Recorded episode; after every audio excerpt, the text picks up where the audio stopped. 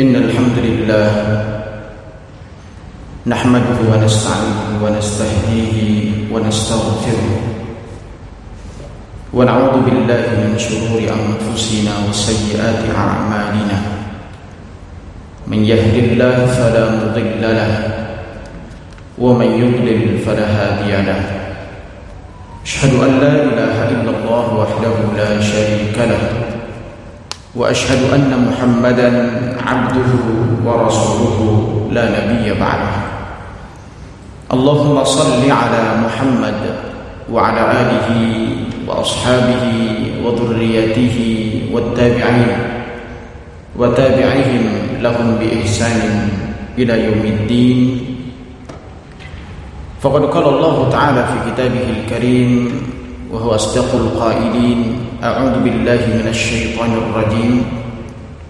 يا أيها الذين آمنوا اتقوا الله حق تقاته ولا تموتن إلا وأنتم مسلمون. وقال أيضا يا أيها الذين آمنوا اتقوا الله وقولوا قولا سديدا. يصلح لكم أعمالكم ويغفر لكم ذنوبكم. ومن يطع الله ورسوله فقد فاز فوزا عظيما أما بعد فيا عباد الله أوصيكم وإياي نفسي بتقوى الله فقد فاز المتقون معاشر المسلمين sidang Jumat yang berbahagia puji serta syukur mari senantiasa kita panjatkan kehadirat Allah Jalla wa ala atas segala karunia yang Allah berikan kepada kita semua hari ini kita dalam keadaan sehat walafiat kita dapat melaksanakan tugas dan tanggung jawab kita sekaligus melaksanakan kewajiban kita kepada Allah Subhanahu wa taala dalam rangka melaksanakan ibadat salat Jumat. Besar harapan kita setiap amal-amal yang kita lakukan diterima oleh Allah Subhanahu wa taala. Salawat beriring salam Semoga terlimpahkan selalu kepada junjungan kita Nabi Muhammad sallallahu alaihi wasallam kepada seluruh para sahabat, para pengikut-pengikut beliau ila yaumil qiyamah. Ma'asyiral muslimin rahimani wa rahimakumullah. Kita hidup di dunia. Allah memerintahkan agar kita memperbanyak amal-amal kebajikan, amal saleh. Karena amal saleh adalah perbekalan yang kelak akan kita bawa menuju Allah Subhanahu wa taala. Amal-amal saleh itu bukan hanya akan membahagiakan kita di dunia, tapi terlebih akan memberikan kebahagiaan bagi kita di akhirat nanti. Maka karena itu di dalam satu ayat Allah Subhanahu wa taala menginformasikan kepada kita semua bahwa kelak manusia akan dimasukkan ke dalam surga karena amal perbuatannya. Allah Subhanahu wa taala mensinyalir hal tersebut di dalam surah An-Nahl ayat 32. Udkhulul jannata bima kuntum ta'malun. Wahai hamba-hambaku, masuklah engkau ke dalam surga dengan apa-apa yang kalian perbuat ketika hidup di dunia. Tentu amalan yang dikategorikan yang akan memasukkan manusia ke dalam surga adalah amalan-amalan yang didasari oleh ilmu namun tentu jika seseorang hanya memiliki ilmu tapi tidak mengamalkan, maka ilmu tersebut tidak akan menjadi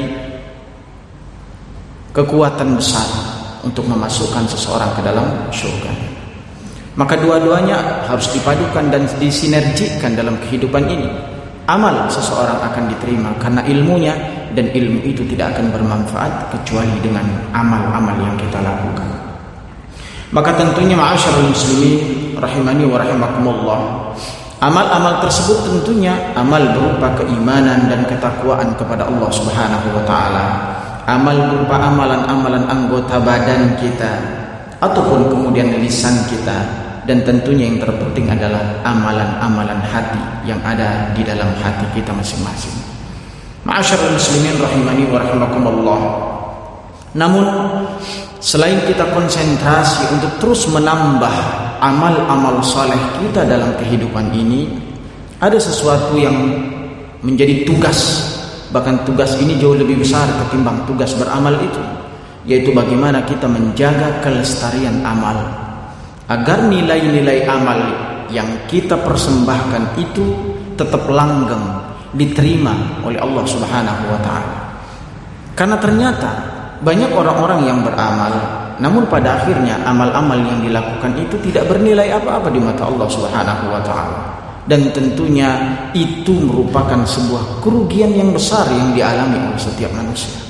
Terutama orang-orang muslim tentunya. Waktunya terbuang, kesempatannya, tenaganya, namun ternyata di hadapan Allah tidak bernilai apa-apa. Wal billah. Ma'asyiral muslimin, ikhwanil izza rahimani wa rahimakumullah. Karena itu, ma'asyiral muslimin, jelas setelah Allah memberikan kemampuan dan kekuatan kita untuk melakukan amal saleh.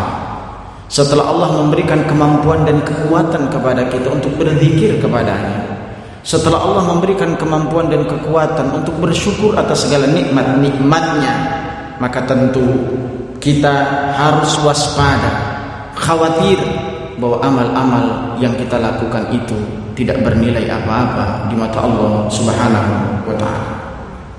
Karena itu ada beberapa usaha-usaha yang harus kita perhatikan dalam kehidupan ini agar senantiasa amal yang kita lakukan itu tetap terjaga dan tentunya akan tetap tertulis sebagai amal saleh di hadapan Allah Subhanahu wa taala.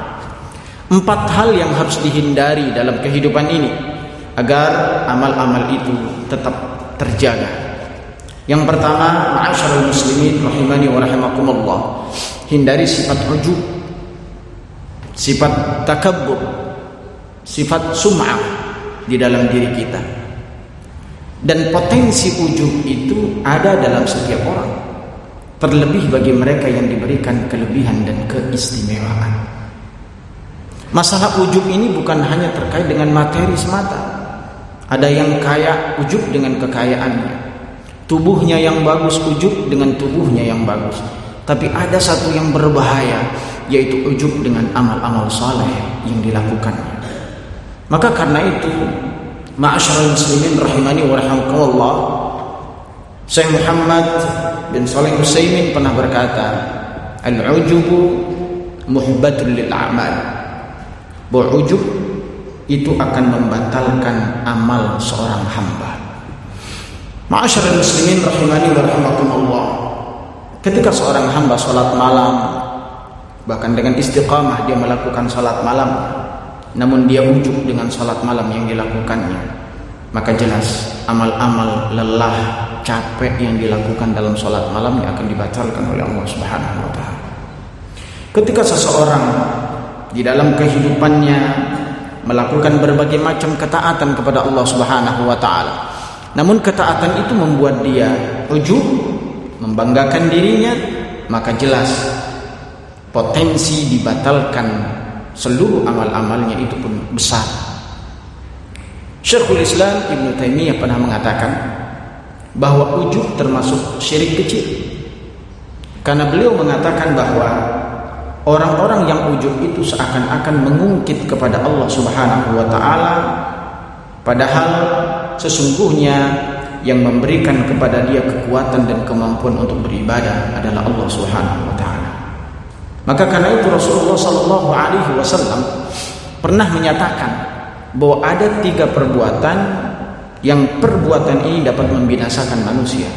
Salah satu di antara perbuatan itu yang Nabi Shallallahu Alaihi Wasallam katakan adalah i'jabul mar'i binafsihi. Seseorang yang ujub terhadap dirinya sendiri, ujub karena amalnya, ujub karena perbuatan baiknya, dan seterusnya dan seterusnya.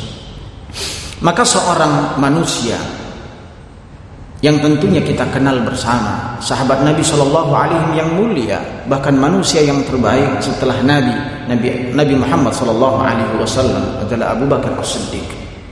Dan beliau termasuk di antaranya Nabi bil jannah, orang yang sudah dipastikan masuk surga oleh Allah Subhanahu wa taala.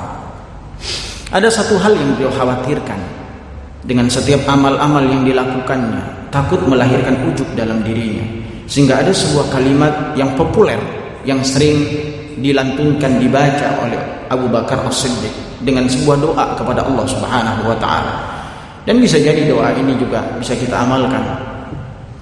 Di mana Abu Bakar radhiyallahu anhu pernah berkata dan pernah berdoa, Allahumma inni Allahumma anta a'lamu minni binafsi. Ya Allah sesungguhnya engkau maha lebih tahu tentang diriku ketimbang diriku sendiri. Wa ana a'lamu binafsi minhum dan aku lebih tahu tentang diriku ketimbang mereka. Lalu kemudian dilanjutkan Allahumma ja'alni khairan mimma yazunnun. Ya Allah jadikanlah aku menjadi orang-orang yang lebih baik ketimbang apa yang mereka prasangkakan kepadaku. Karena belum tentu apa yang mereka prasangkan itu sejujurnya dan sebenarnya ada dalam diri kita. Lalu kemudian beliau berkata, "Waghfirli mimma la ya'lamun." Dan ampuni dosaku ya Rabb terhadap sesuatu yang mereka tidak ketahui terhadap diriku. Wala tu'akhirni bima yaqulun dan jangan kau hukumi aku terhadap apa-apa yang mereka katakan. Karena bisa jadi faktanya orang menganggap diri kita baik, namun sesungguhnya belum tentu sebaik apa yang mereka perkirakan kepada kita, atau bahkan mungkin sebaliknya, apa yang mereka perkirakan kepada kita jauh dibandingkan apa yang sesungguhnya ada dalam diri kita. Maka Rasulullah menyatakan wala tuzakku anfusakum, jangan pernah merasa diri kita suci, merasa diri kita yang terbaik dari yang lain tapi berusahalah untuk menjadi orang-orang yang terbaik. Ma'asyiral muslimin rahimani wa rahimakumullah. Kemudian yang kedua, yang harus kita perhatikan selain kita memperhatikan amal-amal saleh kita adalah bagaimana kita agar senantiasa kita memiliki rasa takut kepada Allah Subhanahu wa taala bukan hanya saat dalam keadaan ramai tapi juga lebih utama adalah saat dalam kesendirian. Karena potensi manusia memperbaiki diri terlihat indah di mata orang itu ketika ramai. Bahkan kemudian terlihat saleh.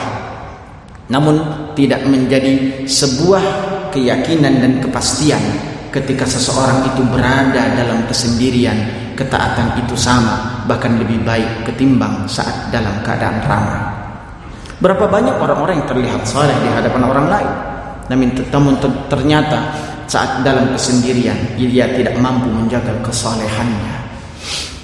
Maka karena itu ma'asyarul muslimin rahimani wa rahimakumullah ada sebuah riwayat Imam Abu Dawud yang kemudian meriwayatkan di dalam sunannya bahwa suatu hari Rasulullah Shallallahu Alaihi Wasallam di hadapan para sahabat beliau menjelaskan ada seseorang yang kelak di akhirat nanti akan datang kepada Allah dengan membawa satu pahala dan pahala itu sebesar gunung Tihama. Namun yang mengejutkan para sahabat ketika Nabi melanjutkan kalimatnya, namun ketika mereka berhadap dengan membawa pahala sebesar gunung Tihama itu, namun Allah batalkan amal itu, seakan-akan pahala sebesar gunung Tihama itu tidak bermanfaat baginya. Hal inilah yang membuat para sahabat punya keinginan untuk bertanya kepada Nabi Shallallahu Alaihi Wasallam dan ada satu kekhawatiran dalam diri mereka jangan-jangan bahwa golongan itu adalah bagian dari mereka maka mereka bertanya ya Rasulullah siapakah mereka itu orang-orang yang membawa pahala sebesar gunung Tihama lalu Allah batalkan alangkah meruginya mereka wahai Rasul maka Rasulullah Shallallahu Alaihi Wasallam kemudian menjawab mereka itu adalah seperti kalian mengambil malamnya. Artinya, mereka itu bisa jadi sholat malamnya, melakukan ibadah di malamnya, namun mereka tidak mampu menjaga keharaman Allah saat dalam kesendirian. Karena itu betapa Nabi Shallallahu Alaihi Wasallam memberikan jaminan Orang-orang yang mampu menjaga ketaatan kepada Allah dalam kesendirian itu, maka di antara kenikmatan yang akan dapat diraih adalah kelak mereka akan diberikan naungan oleh Allah saat tidak ada naungan kecuali naungannya Allah Subhanahu wa taala. Kan saking pentingnya beribadah kepada Allah dalam kesendirian dan dalam kesendirian itu kenikmatan beribadah semakin besar dibandingkan dalam kebersamaan dan keramaian. Umumnya orang sikap orang itu berubah dalam keadaan ramai karena otomatis akan mendapatkan penilaian, penghargaan dari orang. Tapi ketika melakukan sendiri, maka tidak ada pergaan dari manusia kecuali hanya diri kita dan Allah lah yang mengetahui apa yang kita lakukan. Maka karena itu ma'asyiral muslimin rahimani wa rahimakumullah, di antara golongan-golongan mereka yang kelak akan mendapatkan naungan adalah orang yang mampu merahasiakan amal-amalnya. Namun saat dalam keadaan rahasia itu mereka meningkatkan motivasi dan kualitas serta kuantitas amal-amal soleh. Subhanallah. Maka dikatakan seorang laki-laki yang mengingat Allah lalu meneteskan air mata, maka mereka kelak akan mendapatkan naungan di sisi Allah. Mereka orang-orang yang bersedekah dengan tangan kanannya, namun tangan kirinya tidak mengetahui apa yang ia sedekahkan. Padahal begitu dekatnya antara tangan kanan dengan tangan kiri seseorang itu. Maka inilah janji Allah. Namun hati-hati ketika seseorang beramal, namun kemudian dalam kesendiriannya dia tidak mampu menjaga keharaman Allah Subhanahu wa taala, maka mereka kelak sama dan kita bisa jadi termasuk bagian dari itu orang-orang yang membawa pahala dan kita optimis akan masuk surga namun ternyata amal-amal itu dibatalkan oleh Allah Subhanahu wa taala. Yang ketiga, ma'asyiral muslimin rahimani wa rahimakumullah bahwa orang-orang yang kelak akan merugi di hadapan Allah dan mereka amal-amalnya tidak akan bermanfaat baginya adalah mereka orang-orang yang senantiasa melakukan kezaliman dalam kehidupannya menyakiti hati orang lain, membicarakan keburukan-keburukan orang lain, menzalimi anak-anak yatim, dan lain sebagainya. Tampil menjadi pengadu domba antara satu dengan yang lain karena kepentingan-kepentingan pribadinya. Maka inilah yang disebutkan di dalam sebuah hadis Nabi sallallahu alaihi wasallam di mana Nabi pernah bertanya kepada para sahabat, "Atadruna manil muflis?" Tahukah kalian siapakah yang bangkrut itu? Maka sahabat bertanya, Al-muflisu fina ya Rasulullah man la dirham lahu wa la. Orang-orang yang bangkrut itu ya Rasulullah dalam pandangan kami kata para sahabat adalah mereka orang-orang yang tidak memiliki harta, ludes hartanya. Tapi kata Nabi Shallallahu Alaihi Wasallam orang yang bangkrut itu bukan yang seperti itu kata Nabi. Tapi mereka adalah orang-orang yang sudah optimis untuk masuk surganya Allah dengan mati membawa pahala salat, zakat, puasa, hajinya. Dan tentu bagi kita orang yang wafat dalam membawa amal-amal yang banyak mesti masuk surga. Namun dalam pandangan Allah ada beberapa perhitungan yang mesti harus dilakukan. Maka saat itu datanglah beberapa golongan menuntut kepada Allah agar orang tersebut tidak dimasukkan ke dalam surganya Allah fayu'ta hadha min hasanatihi wa hadha min hasanatihi kebaikan-kebaikan yang dimiliki orang tersebut diambil oleh Allah lalu diberikan kepada orang-orang yang telah ia zalimi dalam kehidupan dunia ini. Apakah selesai urusannya kepada Allah? Belum tuntas. Fa in funiyat hasanatuhu. Apabila kemudian kebaikan-kebaikannya itu sudah selesai dan tuntas maka apa yang kemudian? Qabla an yuqda ma alaihi sebelum selesai urusan dan perhitungan Allah Subhanahu wa taala. Maka apa yang terjadi? Keburukan-keburukan orang-orang tersebut akan diambil oleh Allah lalu ditimpakan kepadanya. Lalu apa yang terjadi? Jelas kerugian besar akan terjadi pada manusia tersebut dan yang tadinya keyakinan masuk surga dibatalkan amalnya hingga akhirnya ia pun akan masuk ke dalam neraka. Maka hati-hati dengan kezaliman. Di satu sisi kita berbuat kebaikan, namun ikutilah perbuatan baik itu dengan akhlak yang baik sehingga kita tidak menzalimi orang lain. Terakhir, ma'asyiral muslimin rahimani wa rahimakumullah, bahwa orang-orang yang kelak akan bangkrut di hadapan Allah Subhanahu wa taala adalah mereka yang senantiasa melakukan amal-amal kebajikan, amal-amal saleh karena mengharapkan kehidupan dunia semata. Allah Subhanahu wa taala berfirman di dalam salah satu ayat Al-Qur'an surah Hud ayat 15 dan 16 di mana Allah Subhanahu wa taala menjelaskan dan di sini Allah mensinyalir tentang adanya manusia yang beramal saleh karena ingin mendapatkan keuntungan dunia. Mungkin banyak orang-orang yang beribadah duha karena ingin kaya, ada orang-orang yang melaksanakan salat malam tanpa putus-putusnya karena ingin proyeknya tembus. Dan banyak lagi yang lain. Intinya bahwa mereka menginginkan kehidupan dunia. Maka lihat surat Hud ayat 15 dan 16 Allah Subhanahu wa taala berfirman, "Waman kana yuridu al-hayata ad-dunya wa zinataha nuwaffi ilayhim a'maluhum fiha wa.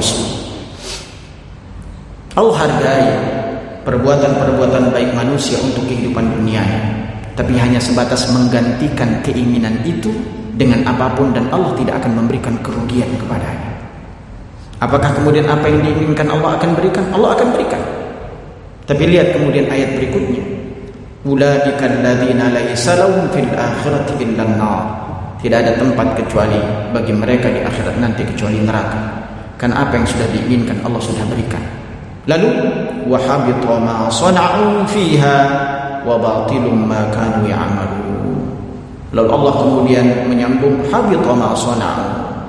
Habis hilang runtuh amal-amalnya lalu kemudian batal semua apa yang pernah mereka lakukan dalam kehidupan dunia.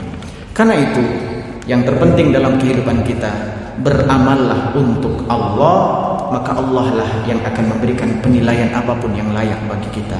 Wa qul i'malu fasayarallahu 'amalakum wa rasuluhu mu'minun ila akhiril ayat. Berbuatlah, cukup Allah yang menjadi penilai dalam kehidupan ini. Dan Allah lah yang akan memberikan kelayakan penghargaan seperti apa. Karena Allah yang maha tahu terhadap apa yang kita perbuat dalam kehidupan ini. Ma'asyarul muslimin rahimani wa rahimakumullah maka inilah beberapa hal yang perlu untuk kita perhatikan dalam kehidupan ini. Semoga kita tidak hanya memusatkan konsentrasi kita untuk terus meningkatkan amal dan meningkatkan amal tapi kita tidak khawatir amal kita akan hilang dengan perbuatan dan pekerjaan serta amal-amal yang kita tidak hindari dalam kehidupan ini.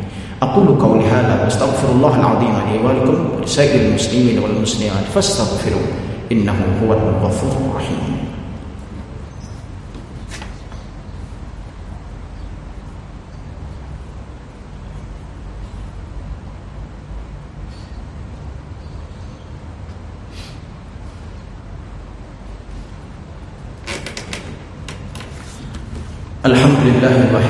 القهار العزيز الجبار مكون الليل على النهار لا يتل إلا الألباب والأبصار.